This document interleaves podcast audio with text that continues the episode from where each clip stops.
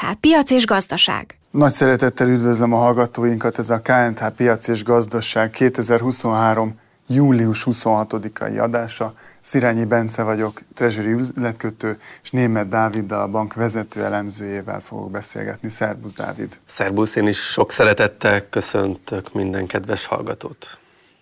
Kezdjük a tegnapi jegybanki kamat döntéssel további 100 bázisponttal csökkent az effektív ráta, tehát így már 15%-os betéti gyors tender és forint kamat az irányadó, és a, az alelnök egy továbbra is nagyon pozitív, optimista, határozott, ha mondhatom ezt, akkor egy nyugodt hangvételt ütött meg, és az egész üzenete arról szólt, hogy folytatódik az infláció és a maginfláció csökkenése, folyófizetési mérleg a vártnál jobban javul, a gazdaság élénkülése az infláció lassulásával el fog indulni, és uh, itt egy uh, megjegyzésre szeretnék rákérdezni tőle, Dávid, hogy azt mondta, hogy a visszatekintő reál kamatok már ősszel pozitívvá válhatnak. Ugye ez különbség az előző havi üléshez képest, akkor arról volt szó, hogy a 10%-os infláció alá biztosan bejövünk az év végére, Segítesz az értelmezni, hogy ez mit jelent ez az állítás, hogy a visszatekintő reálkamatok ősszel pozitívá váltnak? Ez milyen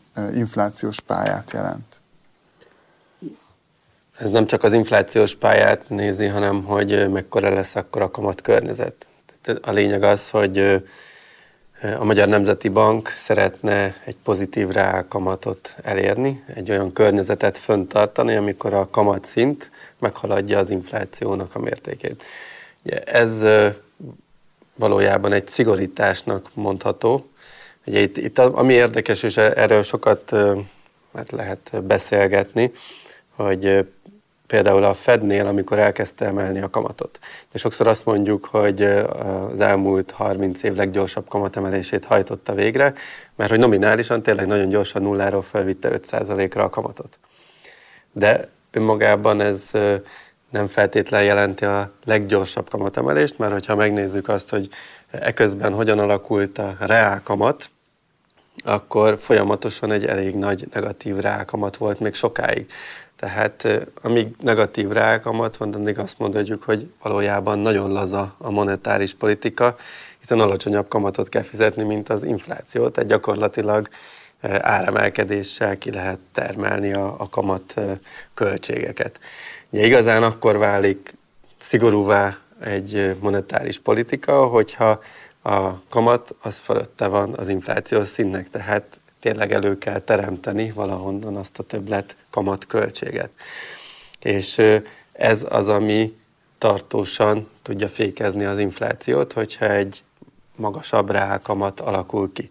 És a Magyar Nemzeti Bank hát régóta törekszik erre, hiszen amikor elindította a kamat emelési ciklusát, akkor is voltak ilyen törekvései, hogy legyen egy pozitív reálkamat Magyarországon, csak felülírta a környezet, és az infláció sokkal gyorsabban emelkedett, mint ahogy ők emelték a kamatot, és folyamatosan csak kullogtunk az infláció mögött, és egy csomó ideig kiemelte a kamatot, egyre nagyobb lett a negatív reálkamat, tehát szigorított, de a másik oldalról, hogyha egy reál értelemben nézzük, akkor nem is volt akkor a szigorítás. Most viszont már abban az időszakban vagyunk, amikor a negatív reálkamat az ütemesen elkezdett csökkenni. Ugye most vagyunk egy 15%-os egynapos betéti kamatnál, miközben a legutolsó inflációs adatunk ugye az júniusban 20,1 volt, de Hogyha megnézzük a júliusit majd, az várhatóan már 18-17 százalék körül lesz. Tehát, hogyha most itt vagyunk júliusban, 15-ös kamattal, és itt visszatekintünk a júliusi hónapra majd, akkor azt látjuk, hogy lesz egy mínusz 2-3 százalékos negatív reálkamat. És ez fog valamikor ősszel átcsapni pozitívba. Elképzelhető, hogy már augusztusban. Én augusztusra azt látom, hogy valahova 15 százalék környékére alá csökkenhet már az infláció. Ugye 14 százalék körül lesz, akkor valószínűleg a, a, a overnight betéti kamat, akkor még inkább azért mínuszban marad egy picit, de szeptemberre, amikor már azt látjuk, hogy 12 körül lesz az infláció, vagy 11 százalék, meglátjuk majd, hogy milyen hatások érik még addig a gazdaságot, akkor már 13 százalék lesz a, a, az alapkamat, a mostani kilátások szerint meg az egynapos betéti kamat is, tehát ott már a visszatekintő infláció, a rákamatunk az picit pozitív lesz. Októberben ez még nagyobb lehet, persze attól is függ, hogy milyen ütemben haladunk a kamatcsökkentési ciklussal, és ehhez képest az infláció hogyan lassul, de például évvégére, ha megnézzük, és elfogadjuk azt, hogy valahol 7 és 8 százalék között lesz az infláció, miközben várhatóan decemberben még 10 százalék fölötti lesz az alapkamatnak a mértéke, akkor ott e, már akár egy 3 százalékos rákamat is ki tud alakulni. Tehát erről beszélt a, a, a lelnök úr, hogy itt a közeljövőben már egy pozitív rákamat fog kialakulni, amikor így visszatekintünk az előző hónapokra.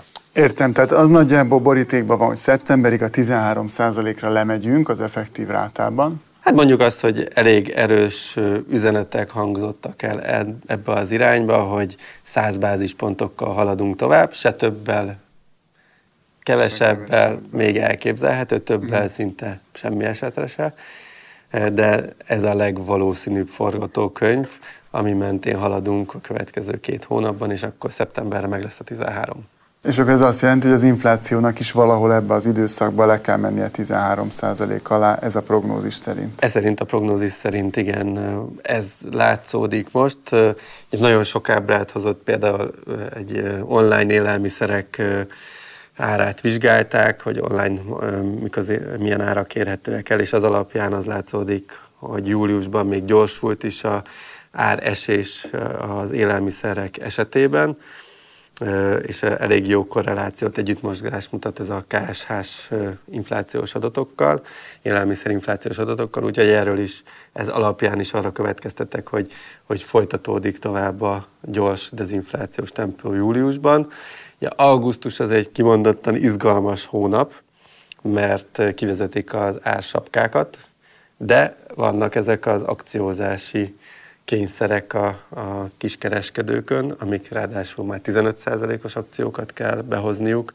Úgyhogy meglátjuk, hogy ennek a egész csomagnak mi lesz a, az, az élelmiszerinflációra ténylegesen érezhető hatása.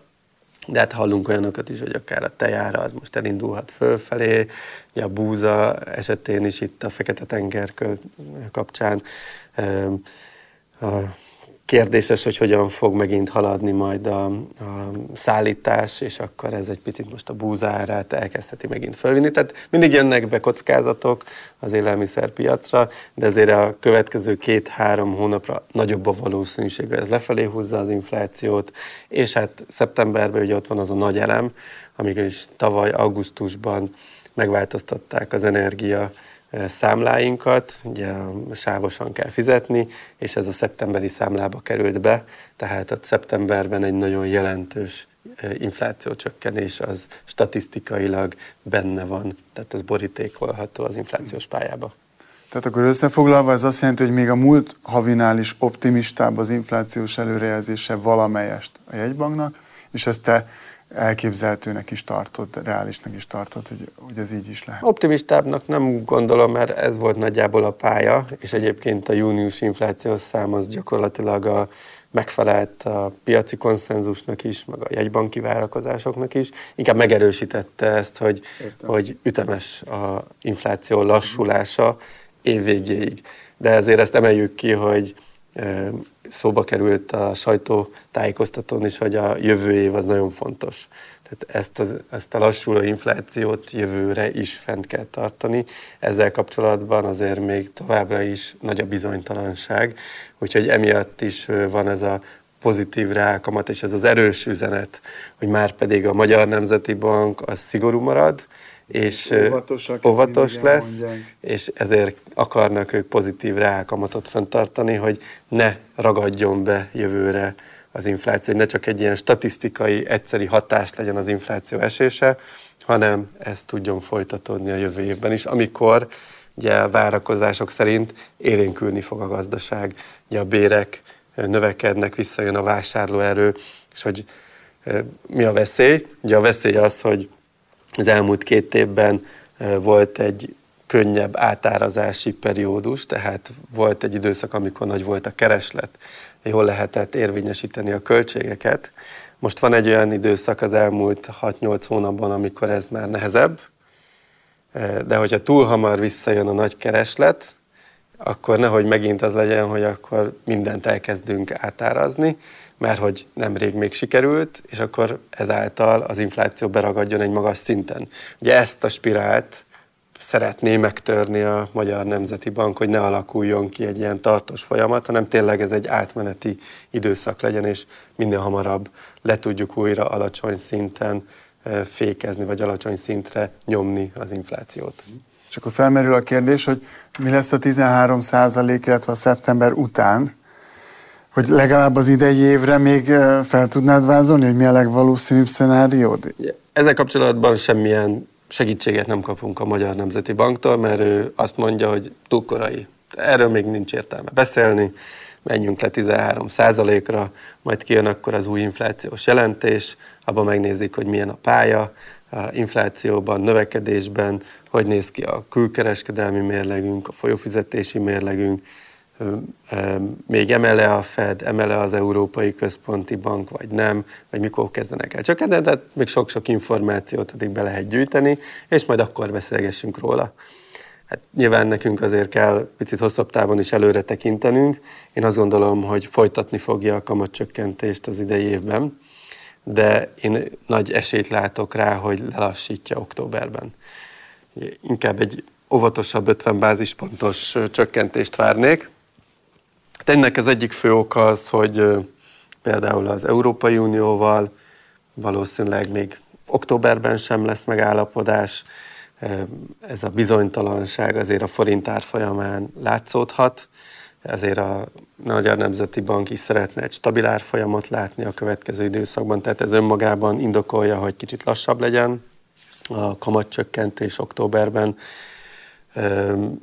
Azt is meg kell nézni, hogy hogy a, a télhez közeledve az energiaárak hogyan alakulnak, ez is még egy bizonytalansági faktor. Nagyon jól állunk a feltöltési időszakkal, ö, olcsón szerezzük be relatíve a gáz, tehát ez, ez azért egy jó lehetőséget ad rá, hogy, hogy jövőre ne érjen egy újabb energiások a, a gazdaságot, de azért ez is tartalmazhat bizonytalanságot. Ö, ott lesz Amerika, hogy recesszió szélén besüllyed a recesszióba, nem erős marad-e a munkaerőpiac. Tehát azt gondolom, hogy, hogy indok a Kínával kapcsolatban lassul, jönnek az élénkítő programok, azok hogyan hatnak.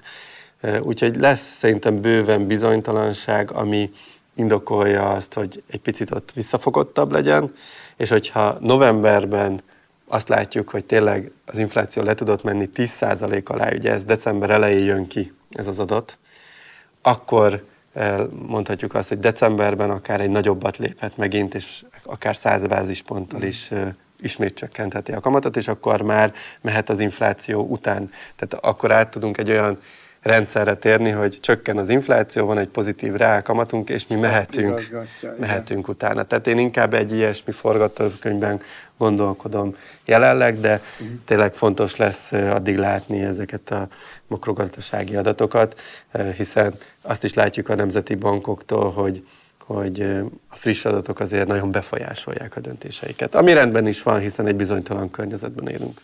De azt kimondhatjuk akkor összefoglalva, hogy akkor csökkent tovább kamatot 13% alá, ha valóban látja a pozitív reálkamatot, és csak ennek a pozitív reálkamatnak a mértékét vagy leköveti, vagy esetleg még csökkenti is a kamatcsökkentéssel. Hát igen, alapvetően az infláció az egy fontos elem lesz, illetve az, hogyha ha a folyómérlegünk az egész évben most már a év hátra levő részében akár pozitív is lehet, ugye ez se kizárt, és akkor így az év egészében lesz egy 2% alatti folyófizetési mérleg hiányunk, és az látszódik, hogy a jövő évben akár az egész évre is átfordulhat nulla környékére egy pozitívba. Ezek azért erős üzenetek, ezek a magyar kockázati megítélést tudják csökkenteni.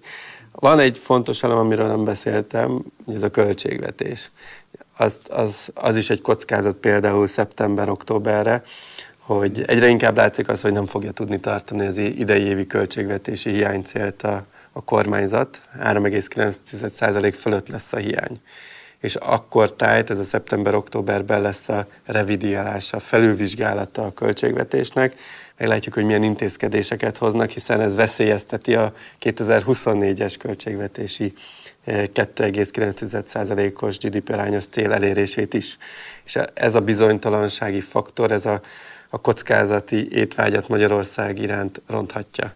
Tehát emiatt is azt gondolom, hogy még ez nem tisztázódik jobban ki, uh-huh. megnyugtató módon indokolt a, a Nemzeti Bank részéről is egy óvatosság, hogyha ott az látszódik majd, hogy a kormányzat fenntartja a fegyelmet, szigorodik a költségvetés, ezáltal lassítja végül is a gazdaságot, az segíti a jegybank munkáját, vagy segíteni a jegybank munkáját, hogy az inflációt lefelé toljuk. De hát ez, ez még egy ilyen nagy kérdés és egy bizonytalan elem, ami az összel vár ránk.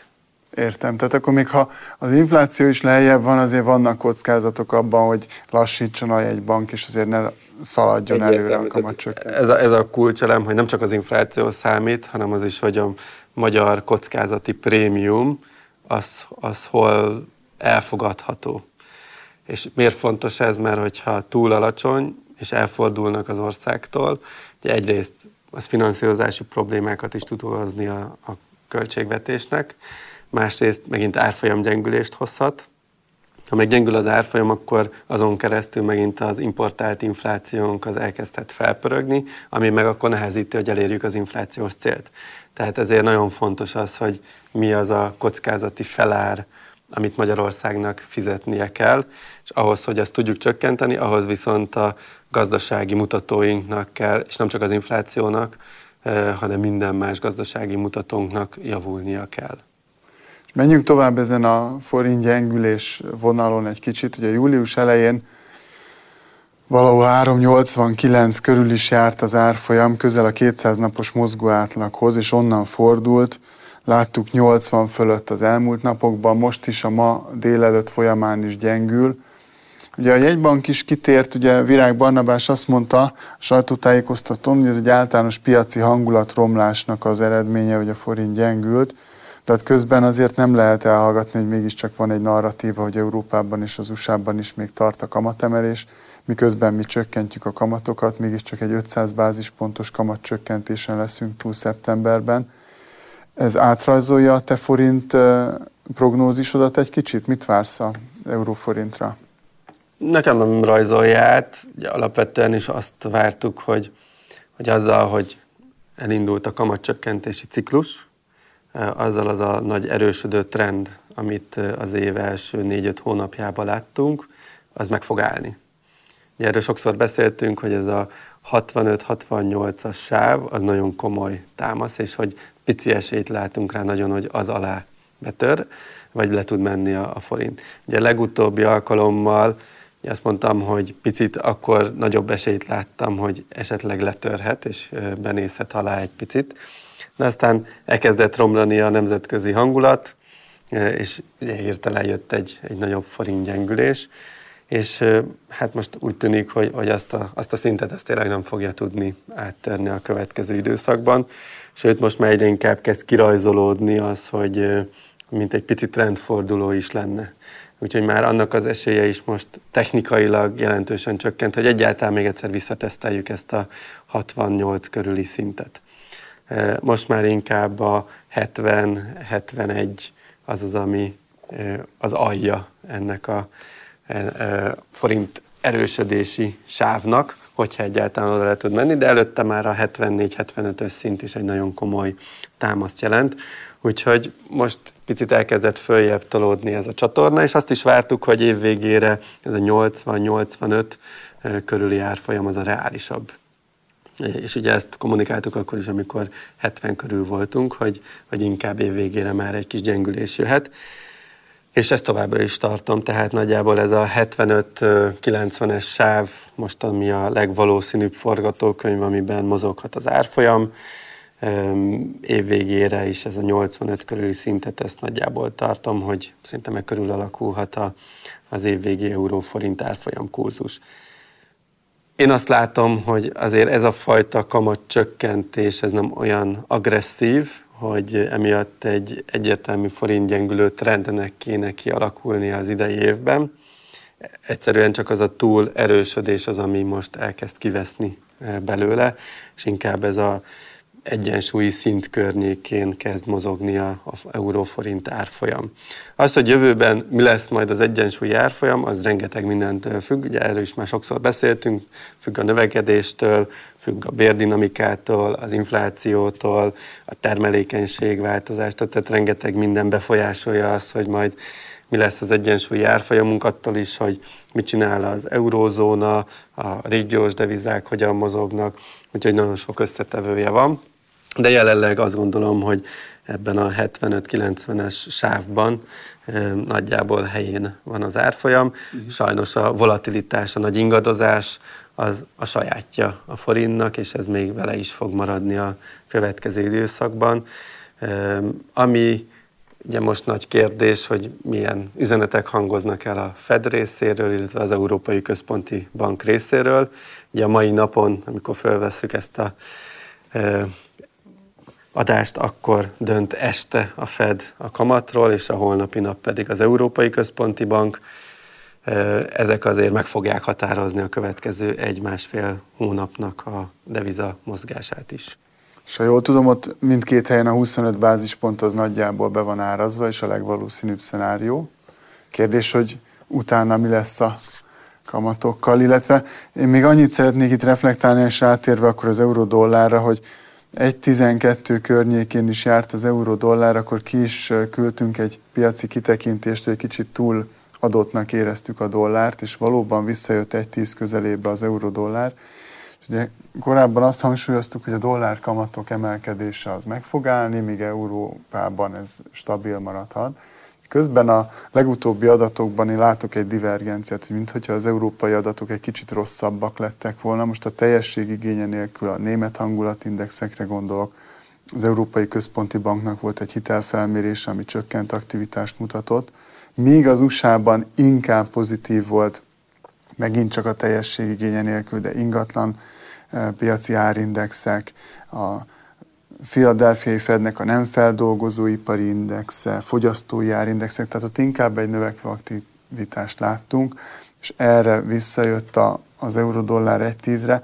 Hogy hogyan látod itt a kamatpályákat, a gazdasági teljesítményeket, akár az euró-dollárnak az alakulását? Szerintem abszolút jól összefoglaltad, hogy mi az, ami meg fordította végül is ezt az euró-dollár árfolyam mozgást, és hogy miért kezdett egyengülni az euró a dollárral szemben. Ugye pont ez volt, hogy még korábban Amerikában nagyon nagy esélye volt, hogy recesszióba egy-két negyed évre belesüllyed, most már vannak olyan vélekedések, hogy lehet, hogy el tudja kerülni e- ezt a forgatókönyvet, miközben Németország az tényleg szenved, és ez rányomja egy kicsit a bélyegét az európai e, kilátásokra.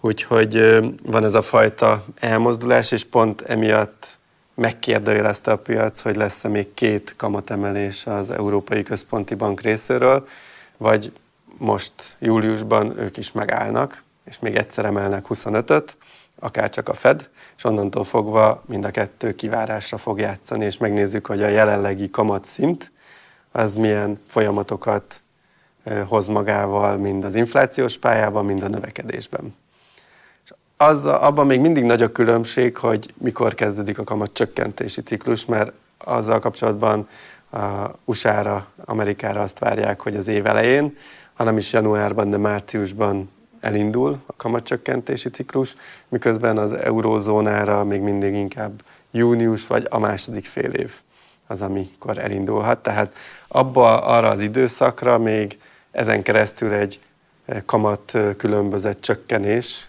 az, az a piaci árazások szerint a legvalószínűbb forgatókönyv.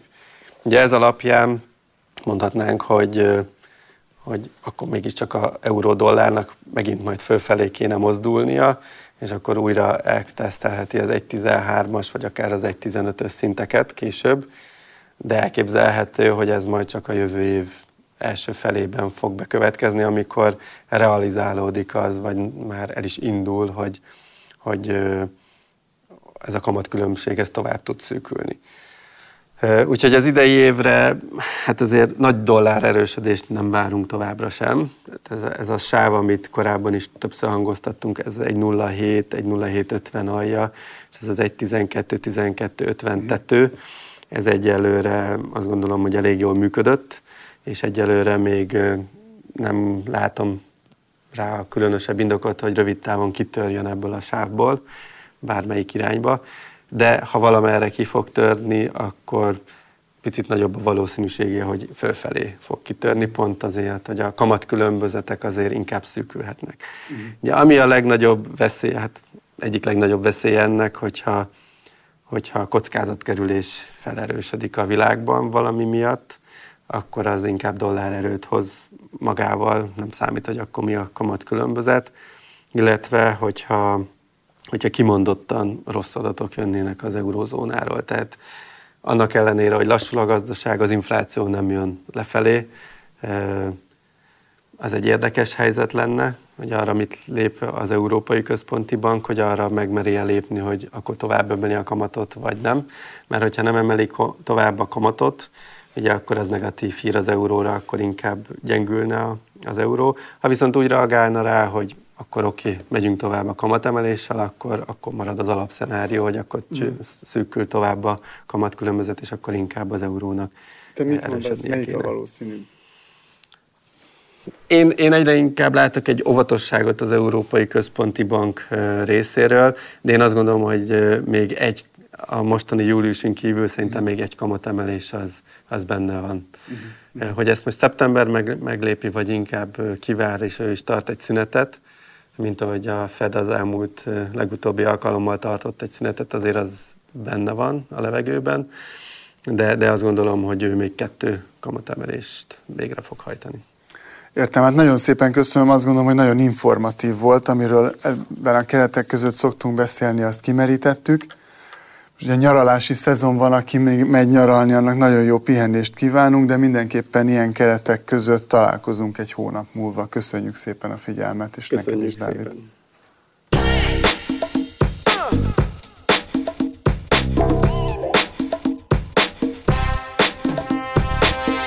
KNH Piac és Gazdaság